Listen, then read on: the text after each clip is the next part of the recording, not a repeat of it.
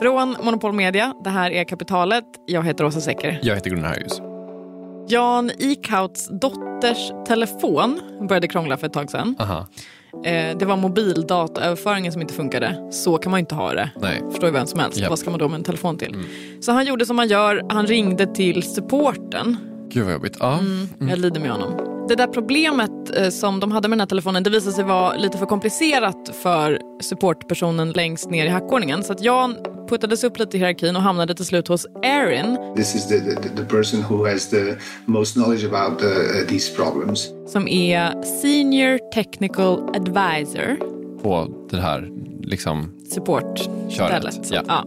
Eh, Erin testade en massa grejer, ändrade en massa inställningar. Du vet, man gör sån här skärmdelning så att de tar över ens telefon. Jätteläskigt. Just det. Ja. Till slut, efter fyra samtal med Erin fram och tillbaka, utspritt över flera dagar, så var problemet löst. Bra gjort, Erin. Verkligen. Men det här fick Jan att fundera på hur det här kan vara den rimligaste och billigaste lösningen för det här företaget då, som har tillverkat den här telefonen. Alltså att man låter en senior technical advisor lägga så mycket tid på en enda kund när det då förmodligen hade varit billigare att bara ersätta den här telefonen med en ny. För att Jan tänker ju då att hennes tid måste ju kosta mer än den där till och med inte ens helt nya telefonen. För hon måste ha lagt ner alltså, flera, flera timmar, kanske typ en arbetsdag. Och en arbetsdag är ganska dyr för en senior technical advisor. Ja, det tänker man ju. Eh, Jan Ikaut är ekonom och forskare och som forskare så vill ju han ha svar. Så att han eh, funderar på det här och bestämmer sig för att han ska fråga Erin om inte han får prata lite med henne om hennes jobb och hennes jobbsituation. Och det visar sig då att Erin, eh, hon har, trots att hon har den här fina titeln, inte någon som helst eh, teknisk utbildning. Däremot så har hon en universitetsexamen i journalistik Stackare. Ja. En i eh, social psykologi, social psychology. Ja. Och eh, dessutom en master i sociologi. Mycket ambitiös kvinna. And then I realized that despite her qualifications, despite the type of job she did, she was paid a very low wage. 12 dollar i timmen för att vara exakt. Eh, ingen betald semester. Det är faktiskt helt sjukt. Ja, det tyckte Jan också. She said, you know, this is where I live, this is the best job I can get. I can't get a, a higher wage. And it's not that it was a particularly bad job. She was not complaining about, you know, the nature of the job. But she said it's impossible to get higher wages here. It's impossible for this type of, uh, of jobs. Och när han hörde det här så började han ju fundera på varför. Alltså hur kan det komma sig att med liksom all den här teknologiska utvecklingen som vi har haft, alla företag som växer så himla mycket, alltså hur kan det inte gynna en person som Erin? En person som dessutom då, liksom en välutbildad, tydligen då ganska driven person som är beredd att ta tre universitetsexamina. Exakt. För att grejen är att de här företagen som växer har blivit så himla stora, alltså techbolag av olika typer, som ju liksom företaget som hon jobbar för indirekt är. Ja, Det går ju bra för dem. Alltså, det. det. går jättebra för dem. Eh, man kan ju ta det mest givna exemplet, eh, Apple. Eh, de slog ju såklart rekord i sin senaste kvartalsrapport. Deras vinst låg på nästan 29 miljarder dollar, vilket var eh, 30 procent mer än samma period förra året. det är sjukt mycket. Det är liksom en, ja, så på ett år blir det ju då en svensk statsbudget i vinst typ. Ja, sjukt. Om man skulle hålla den takten alltså. Ja. Och det finns ju ett liksom inte orimligt antagande som är att när det går bra för företagen så går det bra för ekonomin. Visst? Ja, det, det är faktiskt till och med ett av de sätt som man brukar mäta hur det går för ekonomin på. Ja. Jan Eckhout menar att eh, det inte stämmer. Det är inte så enkelt eh, som att om det går bra för företagen så går det bra för ekonomin. The, the, the short version of it is that these high stock market valuations, these high profits, this success of these dominant firms is not good for the health of the economy. Han kallar det här för the profit paradox. The profit paradox. i kapitalet idag hur Aarons kassalön hänger ihop med att några få företags enorma framgång inte bara är dåligt för deras konkurrenter utan för hela vårt ekonomiska system efter det här.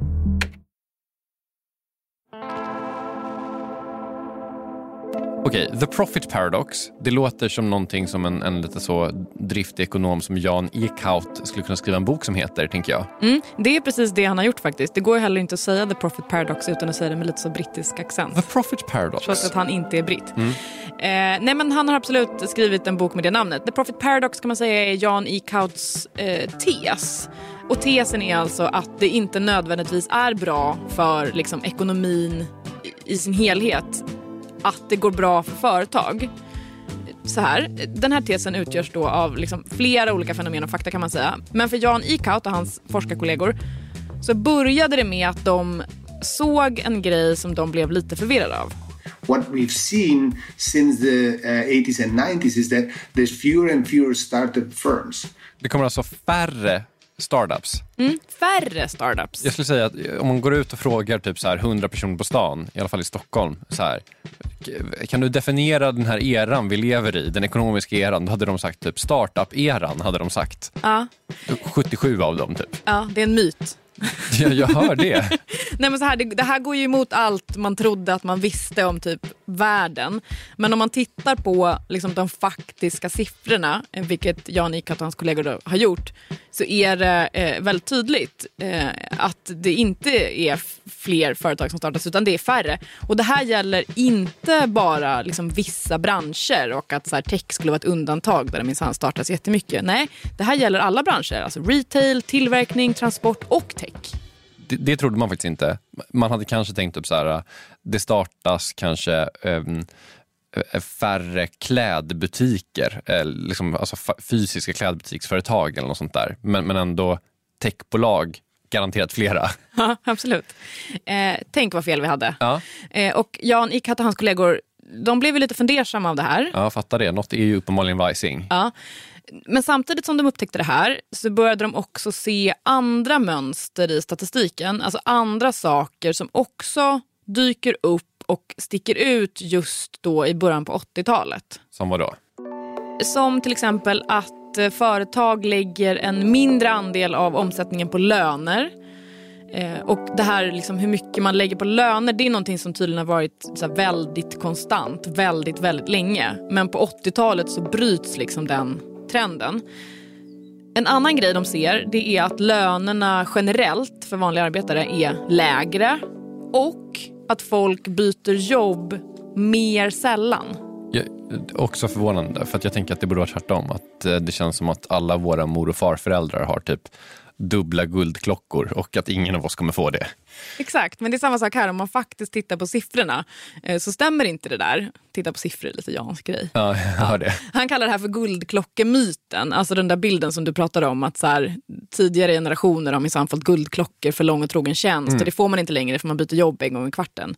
Nej, så är det inte. Statistiken säger någonting annat. Så att allt det här de ser, alla de här förändringarna we, we were aware of it and we never found a very good explanation for it. Och jag tänker att liksom den här typen av forskning det är ju lite som att lägga ett pussel. Mm. Alltså, man har ett antal bitar och så försöker man liksom se hur de hänger ihop. Så att de har de här bitarna med den här startup-myten, låga löner, guldklocka-grejen. Och så för några år sedan så fick de en pusselbit till en pusselbit som då kom i form av en enorm datasamling för att vara exakt. Mm, ekonomer älskar enorma datasamlingar. Även jag. Tror jag. Det är bara en känsla jag har. Ja.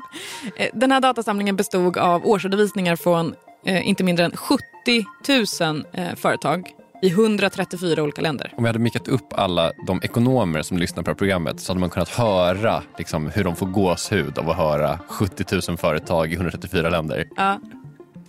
Underbart. Eh, och det de ser i den här datan, det är tre saker. Ett, företagens marginaler har ökat. Marginaler då, skillnaden mellan vad det kostar att producera någonting och vad man säljer det för. Exakt. And what we've seen that those margins on average have gone up from around 1.2 that means that you know the price is about 20% higher than the cost of producing this pen has gone up from 20% to 60%. Så det är det första man ser. Eh, om det förut kostade 10 kronor att producera en penna så sålde man den då för 12 och nu säljer man den för 16. Ja. Men om man ska ha en invändning så är det i och för sig alltså, det är inte bara själva så här plasten i pennan och typ fabrikens, alltså du vet, sådana kostnader som kostar, utan det, man har en massa andra utgifter som man måste ta höjd för som kan ha förändrats ju. Mm, absolut. Företagen skulle kunna säga... Now we need more advertising, we need more R&D, we need more upfront investments. Det är tuffare där ute nu, mm. som vi vet. Ja. Man behöver mer reklam, mer R&D, alltså research and development. Men om man tar med allt det här och, och alltså inte bara tittar på marginalen utan på vinsten, vad ser man då? What do we see? Also, those have gone up. And so we see that the profit rate had gone from around 2% in the early 80s to around 8% towards uh, more recent periods. Så det här är den andra saken, alltså vinsten, när man har liksom tagit med allt det här andra. Och så den tredje saken eh, som då gäller börsnoterade bolag. You can look at their market valuation, the stock market value, right? And we basically look in particular at the ratio of the stock market value to how much they sell, their sales value. And that ratio has gone from around 0.5 to 1.5. Vilket betyder vad då Gunnar? Alltså det han säger är att om ett företag eh, liksom hade en, en, en total försäljning på 1000 miljoner eh, 1980 så var deras eh, börsvärde då eh, 500 miljoner.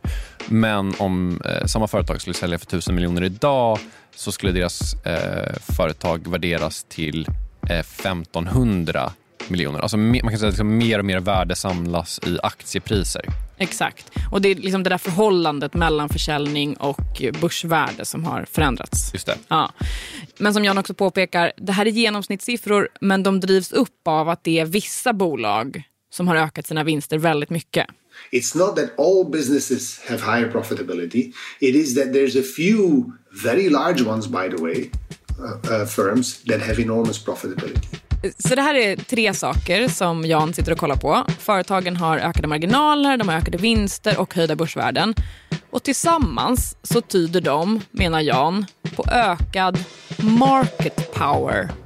Market power is a situation in which a firm sells something, a good or a service, and that firm is facing no or limited competition. Finns det något så bra ord för det på svenska? Market power. Det är så marknadsandel men också inte riktigt marknadsandel. Ja, precis. Det är liksom någon slags marknadsmakt eller vad ska man säga? Men typ, precis. Hur, typ, hur stor del av marknaden man typ kontrollerar verkligen. Ja. ja. Och han menar då att nu för tiden har företag mer, eller vissa företag i alla fall, mer sån här market power än man haft tidigare då, eller? Mm, exakt. Och, och hur kom man fram till det? Jo, men om du tänker på hur de räknade. De kollade ju på vad vinsten blir när man räknar bort verkligen allt. Alltså så här, investeringar, R&D, marknadsföring, tutti. Vinst, vinst liksom. Ja. Mm.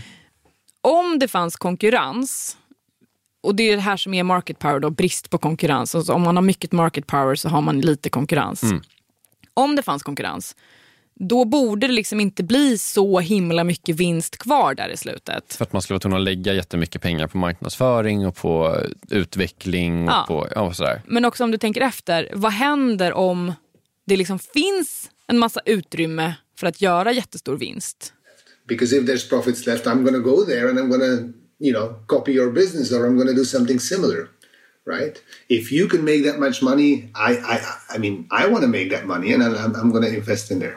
Det är det här som är typ marknadsekonomi 101 lite grann. Alltså så här, inget företag eh, kommer kunna ta ut för stora vinster för då kommer någon kunna komma och konkurrera ut dig. Exakt, för då ser man ju så här, åh lukrativt, jag vill ha en del av den där kakan. Exakt, men, men nu, det Jan säger är typ så här, det är jättestora vinster och det tyder på att det är ingen som kommer ens försöker konkurrera ut någon. Exakt. Det är som att liksom, eh, marknadsekonomins mest grundläggande regler är lite satta ur spel. Just det. Ja.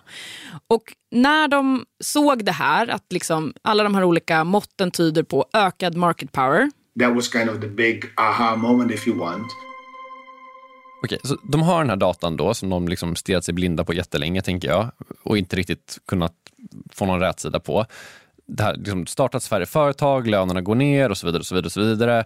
Och sen så har de det här aha-momentet när de ser att vinsten har ökat jättemycket och då tänker de det här betyder att de har mer market power och det liksom betyder ingen konkurrens, dålig situation i största allmänhet. Vad gör man med, med den här liksom informationen? It was a matter of putting these two together. Och det Jan och hans kollegor menar det är att när man slår ihop de här sakerna, då ser man ganska tydligt att det faktum att fler företag har väldigt mycket market power, alltså i praktiken saknar konkurrenter, det påverkar hela ekonomin. What happens is that with you know all these dominant firms charging higher prices relative to their cost, they're producing less because you know if my iPhone costs twelve hundred dollars instead of three hundred dollars, there's going to be fewer people who buy it. Det är lite eh, kontraintuitivt det här. Alltså så här. Ökade vinster leder till mindre produktion. Men det han säger är att åtminstone i iPhone-fallet så blir det liksom att vi kommer kunna ta så pass högt pris att det är, inget, det är liksom inte värt det att liksom ha hög produktion. Vi kan ha en mindre produktion till jättehöga priser istället. Ja men exakt. Och tillverkar man liksom färre enheter för att liksom underlaget av kunder som kan köpa blir ju mindre såklart om priset är väldigt högt. Mm. Det fattar vem som helst. Och då tillverkar man ju färre enheter än vad man egentligen skulle kunna göra om man tänker på vad det kostar att tillverka enheterna. Just det. Eh, och då har man ju behov av mindre arbetskraft. Ja. Och har man behov av mindre arbetskraft så betyder det lägre löner. Efterfrågan på arbetskraft är låg, det betyder lägre löner. Det är därför Erin tjänar 12 dollar fast hon har tre examina och tydligen är någonting som heter senior. Exakt. Det här är också Jan Eckhout noga med att påpeka att det här verkligen inte bara handlar om Google och Amazon och Apple för den delen. Det kan man ju tro. Det här är mycket bredare än så. This is also in textiles, in in, in uh, medical devices, in in publishing, in beer, in you name it. It exists across the whole spectrum of industries and sectors. Så där har vi förklaringen till de lägre lönerna. Eh, minskad konkurrens leder till ökade vinster som leder till minskad produktion som leder till mindre arbetskraft som leder till låga löner. Då tänker jag att det finns en uppenbar fråga som är varför är det ingen som liksom kommer att konkurrera ut dem då? Alltså, varför startar inte vi typ ett företag som bara ser till att det här ska liksom funka som det är tänkt. Bara hitta någon av de här, så här, här är 12 företag som uppenbarligen tar ut övervinster, som är ett sätt man kan beskriva det här på. Liksom. Vi startar ett som tar ut 35 procent istället för 60 procents vinst, så blir vi rika för alltid. Varför gör ingen det här? Ja, men nu kommer vi till den här andra grejen som de var så fundersamma kring, nämligen varför det startas färre företag. För att okej, okay, du säger varför gör ingen bara det här? Men tänk dig själv, du har en idé och så ser du att det finns en superdominerande aktör på den marknaden Tror inte du då att du skulle tänka tanken så här, vad är sannolikheten att jag kommer lyckas slå mig in där och konkurrera? Jo, absolut. Jag, jag tänker såklart att den är skitliten för mig. Men jag tänker att finns det inte någon jag vet Wallenberg-person där ute som, som bara så här, ja, ah, perfekt, här finns det jättemycket marginaler att hämta. Ja, man tar väl också en jättestor risk och man är typ inte villig att ta den för att man kommer behöva liksom pumpa in så jävla mycket pengar för att ens ha en chans. Mm. Så att mm. man bara säger nej, nej, vet du vad, vi låter dem hålla på med det där. Ja, Okej, okay, alltså, jag fattar.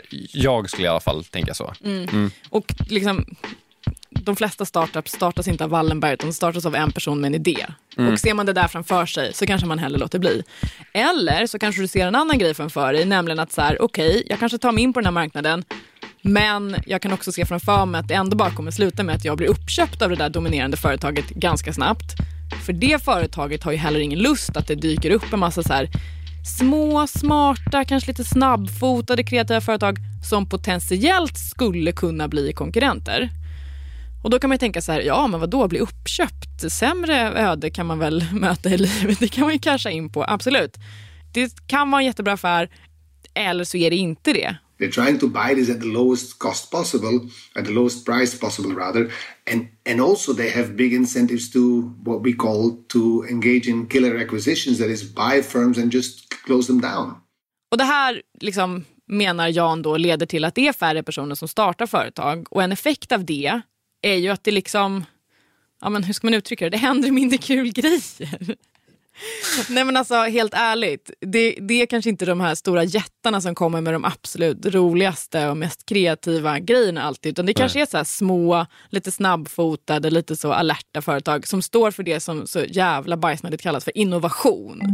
Innovation och nya tekniska lösningar. So my talk is about the art of innovation. Hur kan vi göra Sverige till världens bästa land för innovation? Så det har vi också liksom förlorat lite grann till viss del. Okej, så, så det här då med superdominanta företag, det har blivit vanligare och det har då fått en massa konsekvenser. Lägre löner, färre startade företag, i någon mån typ en sämre ekonomi, skulle man kunna summera det här som.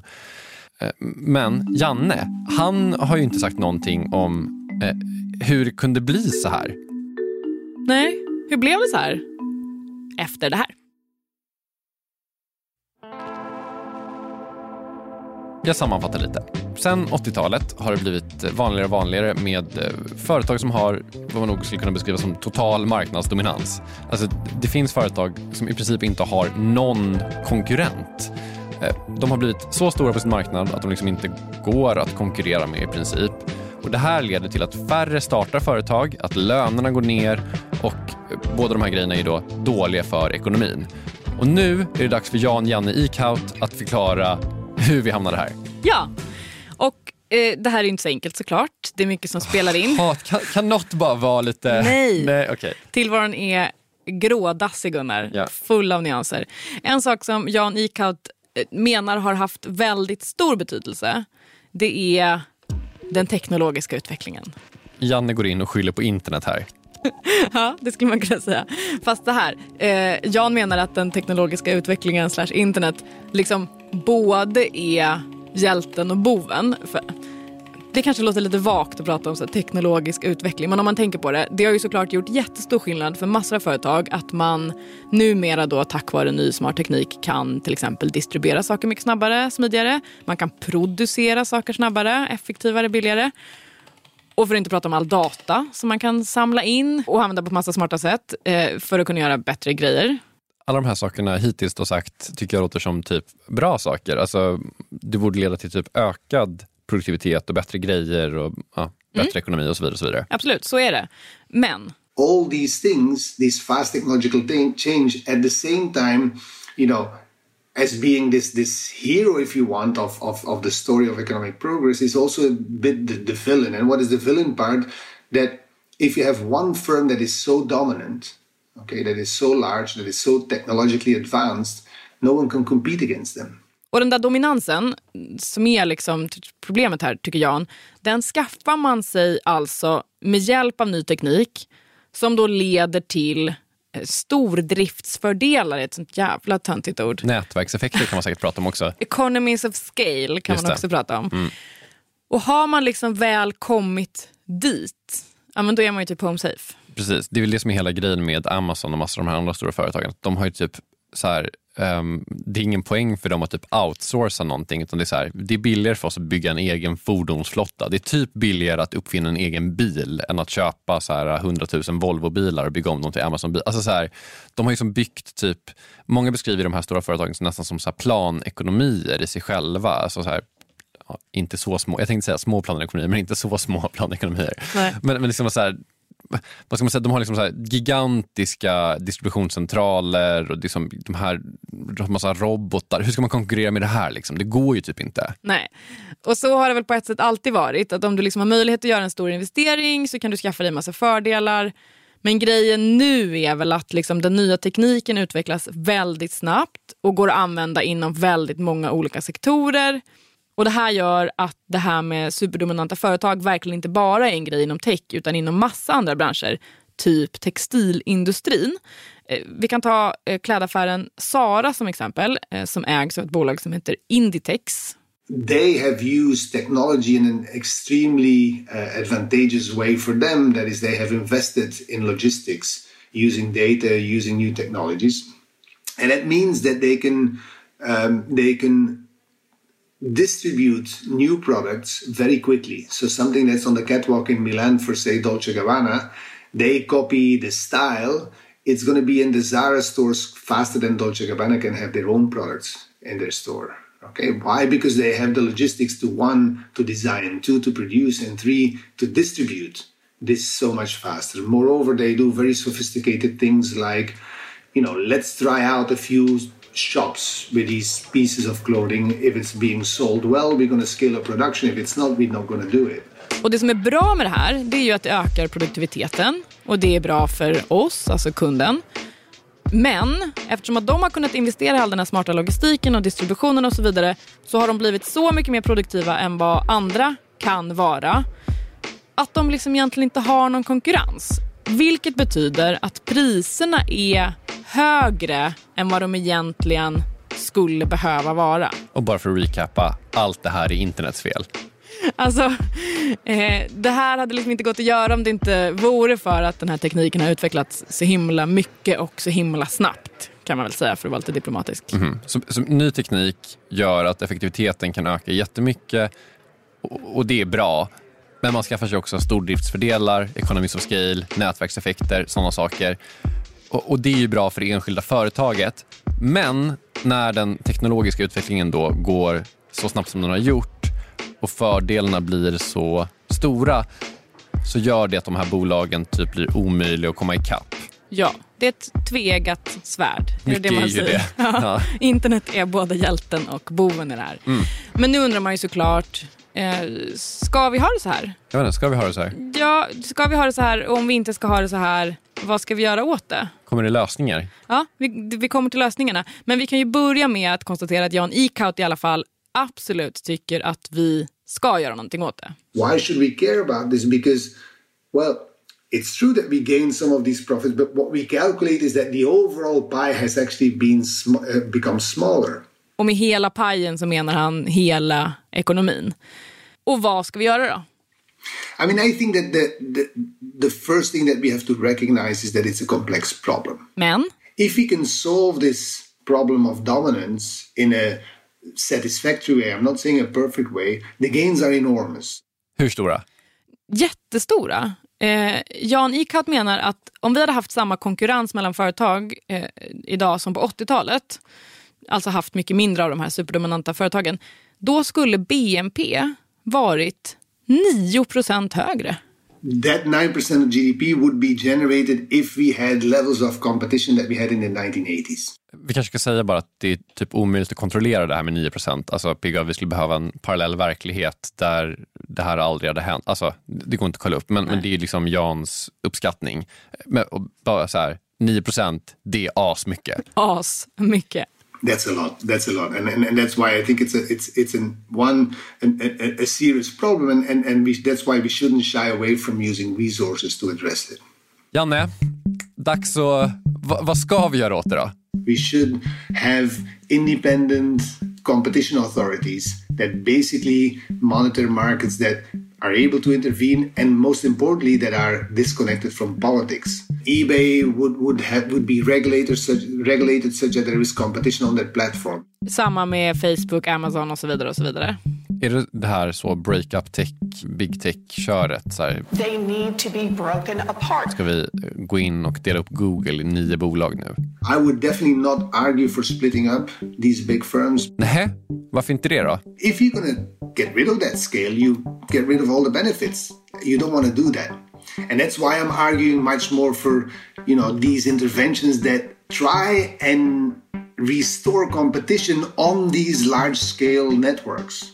Förlåt, men, men det här var väl hela problemet tänkte jag? Att det typ är omöjligt att åstadkomma konkurrens med de här jättarna? Again, I'm not saying it's easy, but if they would be regulated in an adequate way, we would see basically a, a 9% rise in GDP.